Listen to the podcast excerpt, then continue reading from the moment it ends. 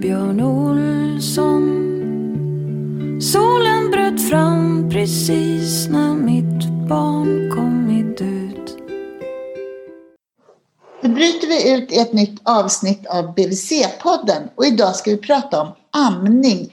Eh, amningens betydelse för folkhälsan och vi tänkte att vi skulle hålla oss på ett globalt perspektiv och se vad betyder det här liksom över jorden. Jag heter Malin Bergström och är barnhälsovårdspsykolog och idag träffar jag Amal Omer Salim. Välkommen Amal till BBC-podden. Tack. Vem är du? Ja, det var en bra fråga. Jag är en um, nutritionist, uh, alltså näringsfysiolog och um, jag har jobbat uh, internationellt Eh, jag är från, min mamma är svenska och min pappa är från Sudan. Och, eh, så jag är en bland, ett blandbarn, mixed kid som man kallar det, och har rest och eh, bott i många länder i världen. Och, eh, det hör till och eh, i och med det har jag också jobbat i många delar av världen, framförallt i Afrika och i Asien senaste, senaste tio åren så har mitt arbete varit globalt, alltså täckt över alla regioner i världen. Ja, alltså jag, jag kom in på det här med, med, med amning. Det var faktiskt i samband med eh, min, mitt första barn. Jag har tre barn också, tre vuxna barn och ett barnbarn nu. Och eh, hade då,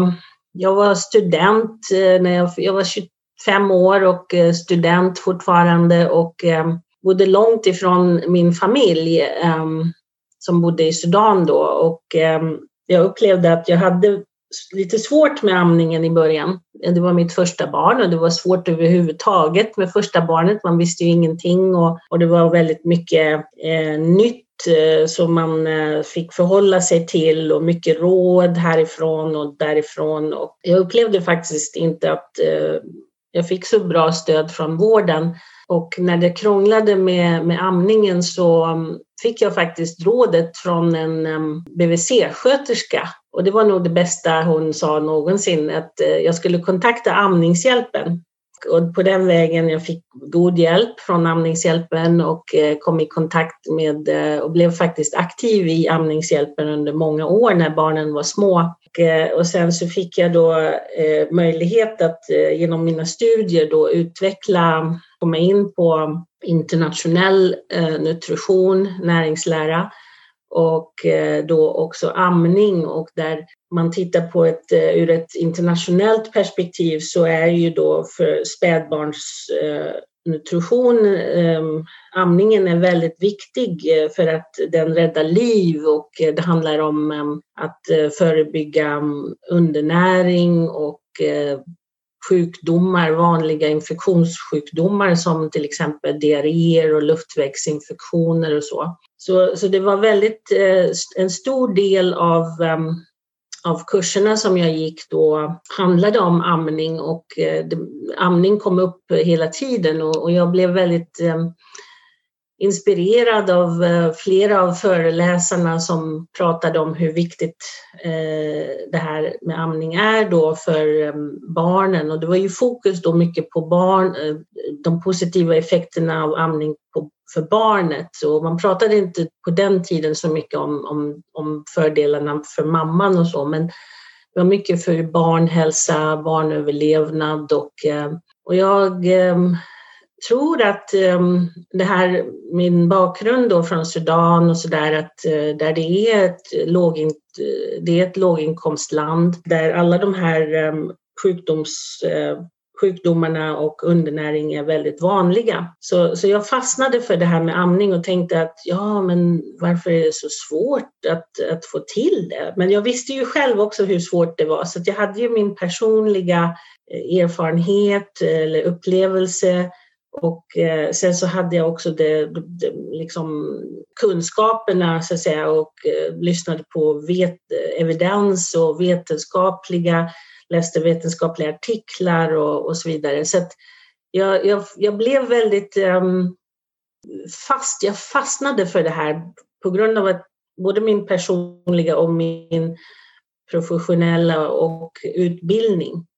Och sen så var jag i en omgivning där, där många jobbade med amning och eh, det var ett stort WHO-projekt eh, som pågick vid Uppsala universitet och jag tänkte oj, WHO, Världshälsoorganisationen eh, fokuserar på amning, det här måste vara viktigt. Jag, jag var eh, väldigt eh, fast, jag fastnade på det viset kan jag säga och eh, samtidigt så var jag väldigt nyfiken på eh, varför är det så svårt för vissa då, samtidigt som det är så viktigt. Så det här, eh, den här utmaningen att försöka förstå. Jag fastnar också på det där när du, vi ska komma över och prata om amning som folkhälsofråga och så, men jag måste bara stanna upp i det. För jag tänkte också på det nu när du berättade att alltså om man tittar på djur, däggdjur, Alltså, så det förefaller ju så otroligt okomplicerat att liksom dia sex små kattungar eller två små lammungar eller så.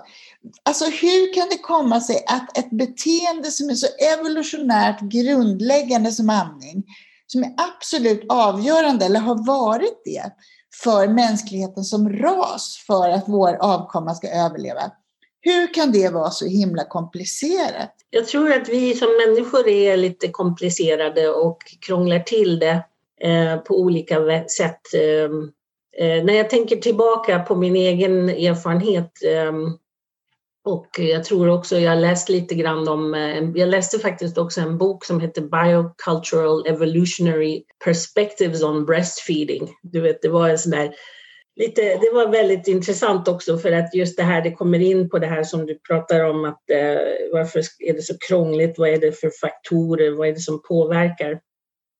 Och, och jag tror att, att vi, det här är ju ett, ett naturligt eh, eh, beteende som du säger, djuren, kattungarna eller kattmammorna och kattungarna, de vet ju vad de ska göra och de gör det i, i allra flesta fallen om det inte är något Eh, problem, så att säga, hälsoproblem.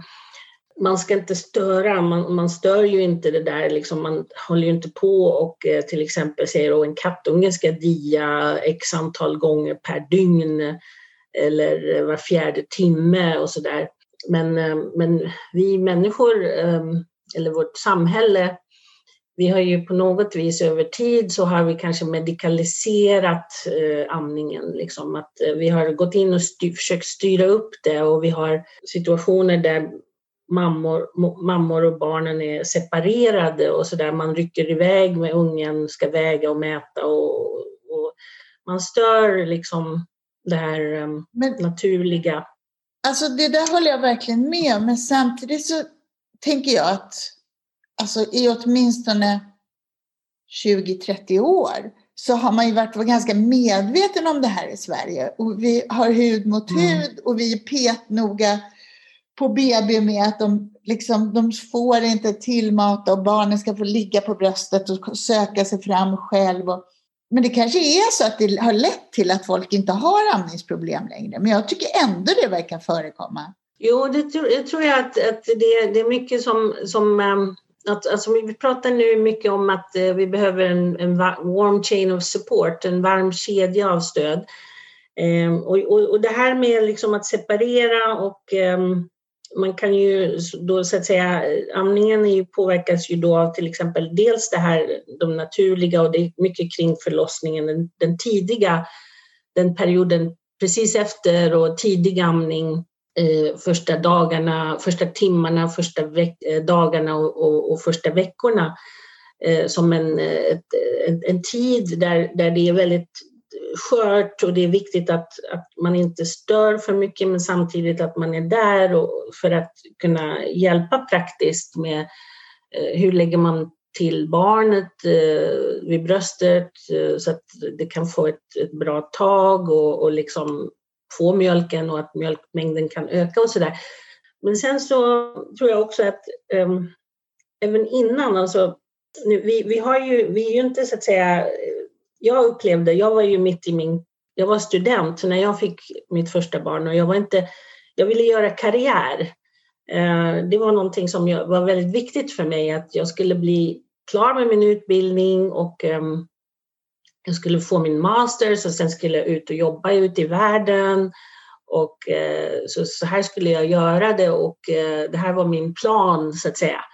En plan som var, det var väldigt tydligt att eh, jag ska bli någonting och jag ska göra, förverkliga det här. Och eh, då när barnet kom och, och då var det plötsligt, oj, den här planen, eh, hur ska vi göra nu liksom? Det funkar ju inte för att barnet har sin egen plan så att säga och du vet, samtidigt så var det en konflikt med min eh, andra plan och, och det tror jag också att eh, gör att vi, det är ju många kvinnor, fler kvinnor som är ute i arbetslivet nu mer och mer och jag tror att om man tittar i Sverige så jämfört med globalt, eh, man ser ju också den här trenden att eh, globalt sett så är det fler och fler kvinnor som jobbar utanför hemmet, i förvärvsarbete kanske man kallar det för. Och, eh, och det, det, ställer ju också då um, utmaningar för att eh, då är det plötsligt, det handlar ju om uh, någonting som konkurrerar, tidskonkurrenter så att säga. Och, och, och, kanske också att man jobbar långt ifrån sitt hem och inte kan vara med sitt barn då. Om, om man inte har en, som i Sverige har vi en väldigt generös föräldraledighet som många tar del av. Och det är väl en av de mest generösa i världen eller i alla fall, jag menar all, alla nordiska länder tror jag har en väldigt generös eh, föräldraledighet som till skillnad från mm, resten av världen som ligger långt efter i det här avseendet. Och, och då är det ju det här att man har ju också en, en då, då, kommer ju amningen som in i bilden här och, då, och den kräver ju så att, säga, att man är lyhörd för barnet och måste amma när som och du vet det kan vara väldigt ofta och eh, man är trött och man, man kanske, det blir svårt, det blir en konflikt, inneboende konflikt.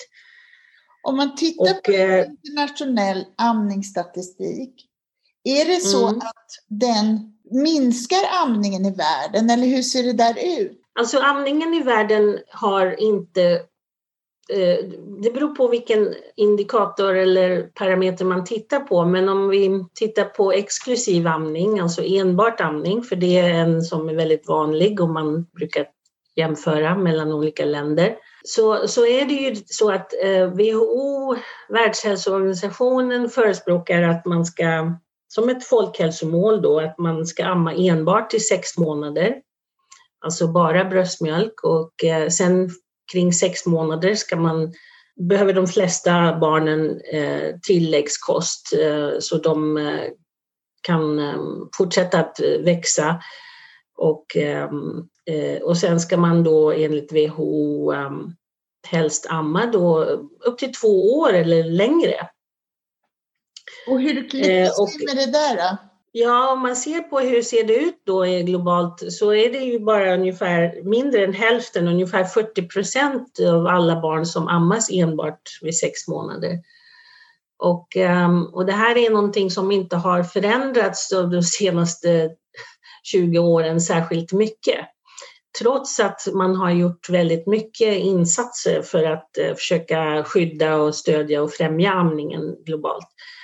Och, och det här är någonting som vi Eh, jag jobbar ju också som ehm, för WABA som är World Alliance for Breastfeeding Action. Det är en, ett globalt nätverk av amningsorganisationer och individer som, som tror på, på, på amning och vill förbättra situationen. Eh, och eh, trots många insatser så har det inte ehm, blivit någon, någon ökning, ett par procent kanske, och vissa länder har ju gjort mer ökningar när det gäller amning, men och andra inte. Men, Men eh, den globala siffran är liksom, har varit kring 40 procent i nästan 20 års tid, så det har inte hänt särskilt mycket så. Men betyder det att det även, ju... även om fler kvinnor jobbar utanför hemmet och därmed har svårt att amma sina barn länge och exklusivt, så har det, det, för det måste ju också påverka. Det måste ju vara en motkraft mot det här. Ja intensiva amningsarbetet som du beskriver? Ja, och eh, bland annat så har vi ju jobbat eh, att eh, vi jobbar ju internationellt, globalt också för att öka mödraledigheten eller föräldraledigheten. Så att det här med att i princip är det ju det att mor och barn måste ju vara, för att kunna amma så måste man ju vara nära varandra så, så det handlar ju om det här med, med närhet, alltså proximitet. Proximity heter det på engelska. Och då om, eh, om man är då, jobbar från, från tre månaders ålder, måste gå tillbaka, eh, lämna sitt barn på heltid då och eh, jobbar hel, hela dagar och kanske då, då blir det ju svårt med amningen om man inte kan pumpa ur och, och, och, och spara mjölken och, och, ge, någon annan kan ge den mjölken då när man är borta. Och, och det här är ju en situation så, så vi har ju jobbat eh, för att eh, bedriva mm, påverkansarbete för att eh, länder ska öka mödraledigheten framför allt, men nu pratar vi mer om föräldraledighet. Så, så det här är ju en stor, en stor barriär för, för varför exklusiv amning ser eh, ut som den gör nu. Du. Vi ser ju det också här i Sverige. Eh, trots den här föräldraledigheten så är det ju också låg exklusiv amning. Ja, fast den var högre än vad det är globalt. Alltså nej, inte exklusiv amning. Om man tittar på, det var en studie från 2019. Användes exklusivt? Ja. Vid sex månader? Ja, men det är inte, eh, det är inte exklusivt. Det är faktiskt um, någon sorts amning, inte exklusiv. Det är ah, okay. liksom både, både exklusiv och eh, icke-exklusiv amning. och och då, då är det ju det att jag tror att när det gäller exklusiv amning så ligger Sverige, enligt vad jag har sett siffror från senaste studierna från 2019, eh, och även barnhälsovårdsstatistiken då från, som går till Socialstyrelsen, att, att det ligger kring 14 procent. Om man bara tittar på enbart amning, exklusiv amning vid sex månader. Eh, det går ner redan från fyra månader så händer det någonting med statistiken. Så den här trenden i Sverige som som en nedåtgående trend, det, det är ingen så här stor eh, dipp, men det har gått långsamt neråt. Eh, och det är faktiskt eh, svårare då att komma åt för än om det hade varit en en, en stark dipp så att säga, då skulle man kunna kanske sätta eh, se vad är det som hände just eh, då innan eh, dippen. Och, och, liksom, och då är det oftast någon speciell grej som har hänt. Som till exempel, ja, vi såg ju det globalt sett när till exempel eh, HIV på 90-talet eh, så var HIV ett, en stor utmaning för, för just amning för man var inte säker på i början om, om det om det överfördes mellan mor och barn genom bröstmjölken, vilket eh, man såg att senare då att, eh, att om ehm, mammorna var, hade eh, antivirala eh, ART, alltså antiretroviral terapi, terapi och medicinering, livslång medicinering och de verkligen gjorde enbart amning, då, då var risken, är risken väldigt liten att det förs över till, till barnet då, då var det faktiskt, eh, då såg man att eh, amningssiffrorna gick ner i många av de länderna som var drabbade av HIV, hårt drabbade. Till exempel i södra Afrika och så. Jag, jag tänkte att jag ska mm. liksom be dig att göra, ge dig ett exempel kring utmaningarna kring amning. Kanske utifrån din avhandling om ammande mammor i mm. Indien mm. och i Tanzania. Det skulle vara roligt att höra lite kring de här olika mm. utmaningarna? Jo, eh, det kan jag absolut eh, göra. Och eh, alltså, jag tittade ju då på både Tanzania som är en, en stor stad i Afrika och sen så var jag och tittade också på amning i New Delhi, också en stor stad fast i Asien. Så det var två olika världsdelar. Och eh, jag började då med Tanzania för att eh, det var där jag började de första studierna och eh, där tittade vi då på, på två grupper. Vi studerade amning hos kvinnor i slumområdena i, utanför Dar es Salaam. Och den andra gruppen vi tittade på var eh, hälsopersonal på ett stort sjukhus i Dar es Salaam. Anledningen som, Eh, varför vi tittade på just de här två grupperna var för att jag hade kollegor här vid Uppsala universitet som, från Tanzania och de eh, var nutritionister och, och läkare och eh, barnmorskor. Och eh, de sa allihopa att eh, de tyckte att det var väldigt svårt, det var ett dilemma det här med amning för att eh, de visste att det var väldigt viktigt för folkhälsan. Och men de hade svårt att eh, få ihop eh, det här med att ge råd på ett trovärdigt sätt, för de hade kämpat eh, allihopa med sin egen amning. Eh, de sa det att eh, det är faktiskt väldigt svårt att vara ge råd som hälsopersonal när man inte har klarat av att amma själv. Ja, då tyckte jag, nej men eh, hallå, det, det, man måste ju vara professionell, eller hur? Du kan inte, man kan ju inte alltid ha en egen erfarenhet eller god erfarenhet av någonting. Man måste förhålla sig professionellt och du vet så här. Det var min utgångspunkt. Nej, nej, det här måste vi titta närmare på. Vad är det som händer?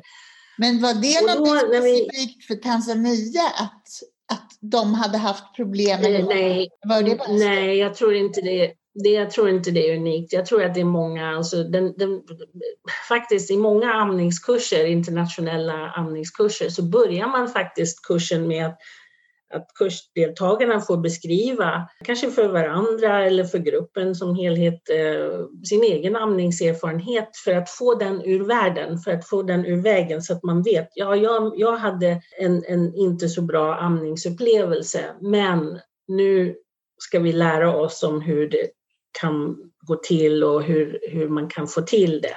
Eh, för att, och så jag tror inte att det här är något unikt, men det kom ut eh, genom mina internationella kollegor och, och det här blev liksom avstampet. Och där ser man också då när vi, när vi började titta på till exempel hur kvinnorna i slummen hade det, så fokuserade vi på just um, det sociala stödet. För att eh, det, i Tanzania så är amning det är normen, så att säga. Det, de har till och med eh, frimärksserier med ammande kvinnor och barn. Eh, och det är en stolthet. Och eh, jag kommer ihåg en gång när jag satt på en buss i Dar es Salaam och skulle åka från A till B. Då var det, det var väldigt varmt och det var fuktigt, det var regnperioden och hela bussen var smockfull och så var det ett, eh, en mamma, en ung mamma med sitt barn och barnet började skrika för det var ju så obekvämt där. Och då vände sig alla i bussen till den här mamman och sa Men amma ditt barn! Amma barnet, ge bröstet! och jag satt där och log mot mig själv och tänkte Skulle det här hända i Sverige? På en buss? Jag tror inte det. Nej. Men Ja, det, det som man ser är att, att det, alltså amningen är enorm men ändå så, um, så kämpar um, tanzaniska kvinnor också och de här kvinnorna i slummen de, de kommer ju då från, från landet, eh, alltså eh, utifrån landet, de kommer in till storstäderna som den här så kallade urbaniseringen som sker över många delar av världen. Och de kommer ofta utan sina familjer, de är lite eh, uppryckta från sitt sammanhang och så kommer de till en storstad där det finns eh, väldigt eh, det är svårt kanske, de letar jobb och eh, de tar vad de kan. Eh, de eh, måste få ihop eh, ekonomin. Och eh, de har ehm, inte har, de har inte stödet, de kanske inte pratar det språket som pratas i storstaden ehm, och de har eh, eh, en, att de får navigera liksom i det här ganska svåra, en svår situation kan man säga. Och för många var det ju det här just om stöd, att de hade med sig liksom lite kunskap att amning var viktig och att de skulle amma sitt barn, men de hade svårt att eh, ta till sig information och stöd från hälsovårdssystemet, hälsopersonalen. Eh, för att eh, det var ju en kvinna som jag kom särskilt att tänka på att hon var väldigt ung, hon var kanske 17 år och hade ett barn och eh, henne, hon var inte gift eh, så hon var lite, mm, eh, vad ska man säga, utstött av grannarna i, i, där, i, i närsamhället där hon bodde och eh, hon gick då från dörr till dörr och, och frågade hur hon skulle göra. Och eh, när hon kom till kliniken så blev hon bemött på ett, eh, på ett dåligt sätt. Eh, de såg ner på henne för att hon var ogift. Och så hon kämpade på. Så hennes strategi var då att eh, bara gå och hämta in lite info, lite, eh, få, försöka få lite stöd här och där. Eh, sen så såg vi andra kvinnor då som till exempel hade en relation, en stadig relation där, där pappan då, partnern var väldigt stödjande och att de jobbade tillsammans då för att navigera genom den här informationsdjungeln. Och samtidigt så fanns det ju tillgång då till ersättning, alltså formula. Eh, så plötsligt hade de lite mer köpkraft och det fanns tillgängligt med Formula och det var så att säga en, en, en sak som man ville då göra om man har lite pengar. Visst, varför ska man amma? Man kan köpa ersättning mm. och ge barnet på det här sättet. Så det var lite status? Mm, det är lite status. Det var mycket status och det var mycket status i det här att de pratar om olika Eh, typer av formula och kunde man köpa till exempel i slumområdena kunde du köpa formula i små plastpåsar och det var den billigaste varianten. Och sen om du har lite, mer, lite bättre ställt så kan du köpa i, en, i ett, i ett paket, ett litet paket och sen om du har ännu bättre ekonomi så kan du köpa en burk och den absolut Eh, mest eftertraktade var den här som kallades för Nestlé Gold. Det var alltså en burk, en guldfärgad burk, du vet, och den var och du vet, hade man den, då ställde man fram den så att den var synlig. Liksom. Hur såg det ut i, eh, i New Delhi? Mm, och där finns det ju, det också i Indien generellt och nu är det ju, när man pratar om ett land som Indien så är det ju nästan omöjligt för det är ju flera länder i ett. Och, och det är därför man också när man tänk, tittar på statistiken så kan man inte bara titta på, på landet, man måste titta i olika delar av landet och både stad och landsbygd och så. För det skiljer sig då var det, gruppen som vi studerade var då dels eh, kvinnliga lärare och eh, hälsopersonal. Och eh, i Indien så hade den här gruppen eh, som eh, hälsopersonal och lärare, de hade lite längre mödraledighet. De hade faktiskt sex månaders eh, mödraledighet. till skillnad från i Tanzania, hälsopersonalen där hade 84 dagar, alltså det är knappt tre månader. Och så det, det, var ju så att säga en stor utmaning just den där korta mödraledigheten eh, i Tanzania. Medan nu i Indien, så när vi tittade på det här med eh, de hade ju då sex månaders eh, ledighet efter förlossningen och eh, den skulle, där var ju utmaningen mycket mer på, på familjesidan. Eh, man bor ju då i stora familjer och eh, man har ju då man flyttar in då till sin svär, sina svärföräldrar och man bor med dem då och där blir det då eh, dragningskrafter för att eh, svärföräldrarna kanske har en tanke om just det här med amning och ersättning och så vidare. Och samtidigt så, så, så har kvinnorna, även om de jobbar utanför hemmet, så har de väldigt mycket uppgifter och eh, förväntningar på sig inom storfamiljen. Så att de har, eh, där var dragningskrafterna just kring just att de har, eh, de måste ta hand om sitt barn, de måste vara en god fru, de måste vara en god svärdotter och en bra arbetare. Så där såg man att det var väldigt mycket just kring just familjen och om, om att få familjens behov tillgodosedda. Men fanns det en eh, stark amningskultur där också?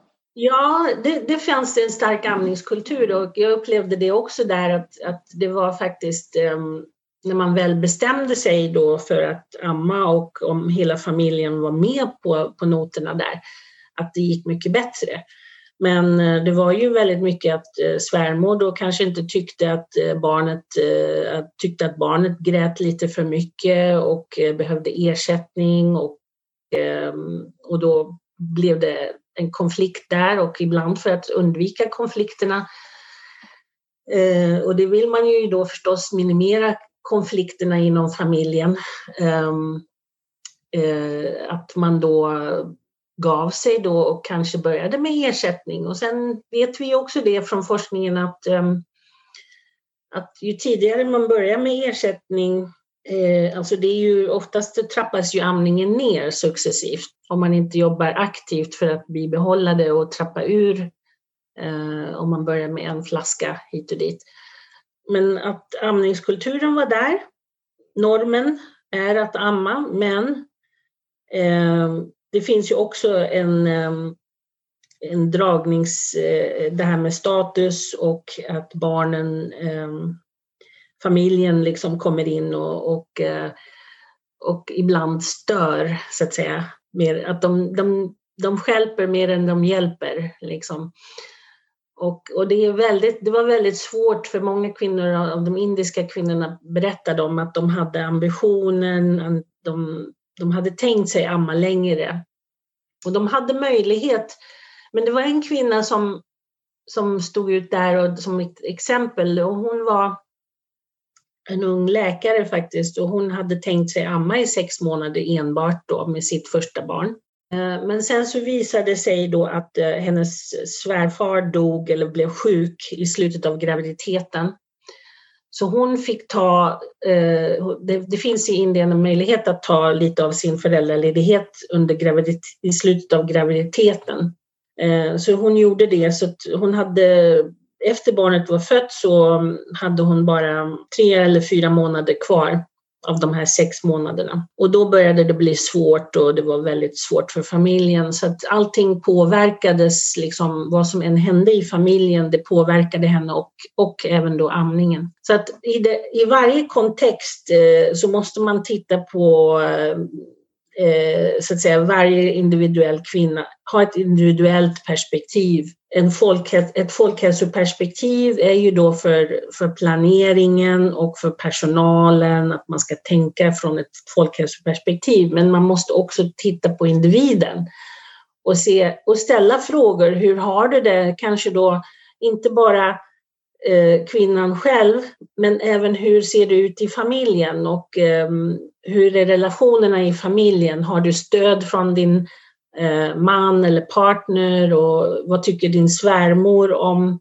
amning? Och så vidare. Så att man kan pejla då, få ett, en så bra bild av läget. Och sen så kan man ju faktiskt då till exempel om svärmor är väldigt um, viktig, så att säga, en viktig faktor om man säger så då, Eh, då kan man ju bjuda in henne också för att eh, där man pratar till exempel antenatalt under graviditeten och, och informerar om amning och sen på BVC till exempel.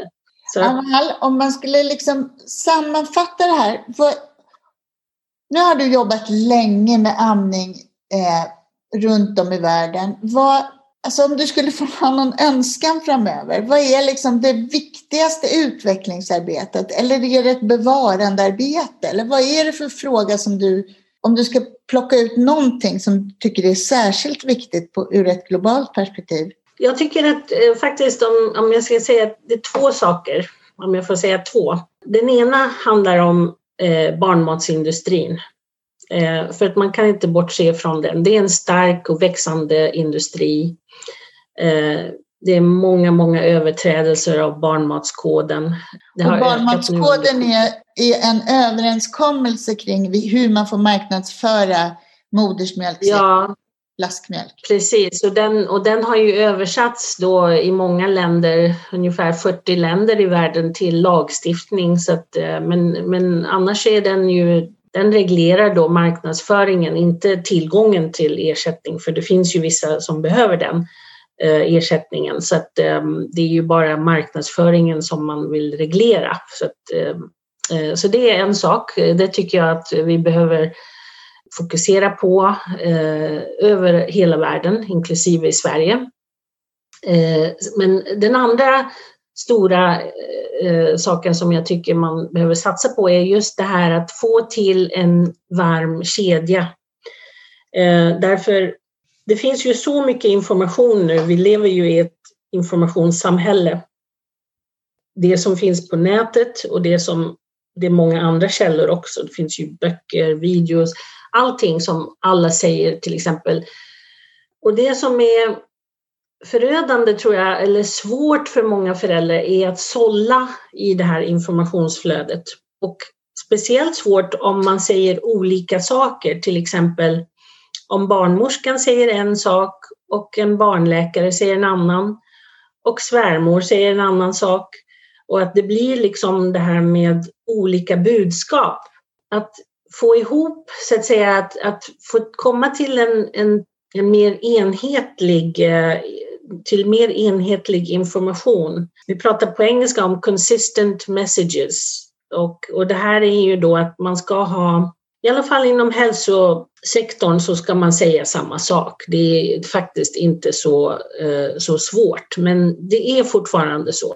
Att vissa säger om en fyra månader enbart amning, andra säger sex månader, andra säger att ja, det, det spelar ingen roll eh, och så vidare. Och, och det här att man får olika budskap eh, det, så det handlar ju om att få en varm kedja där allting så att säga hänger ihop. Att man säger då olika, inte olika saker, samma sak.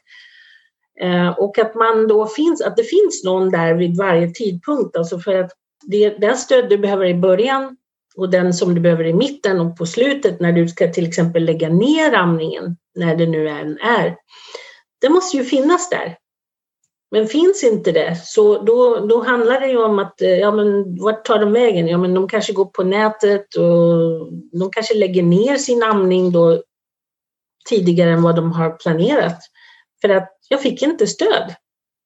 Och sen ser vi ju till exempel i Sverige att det blir sådana här skuldkänslor. Du vet kvinnor som känner att de inte har lyckats, de har misslyckats. Och jag tror att det är en kollektiv vi, eh, kollektivt är vi, vi är ansvariga för den här skuldkänslorna. Vi ska återkomma till känslor kring amning och en varm kedja eh, i mm. en annan podd, Amal. Men jag säger tack för att jag fick prata med dig om de här frågorna. Tack själv.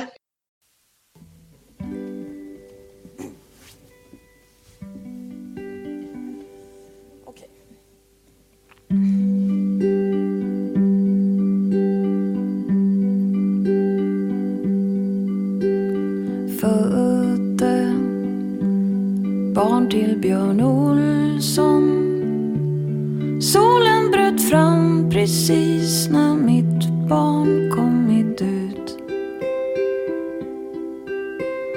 Låg i en pöl av svett och blod. Barnmorskan sa, jag såg din spelning på Luleå kulturhus. Hörde fåglarna sjunga om vår.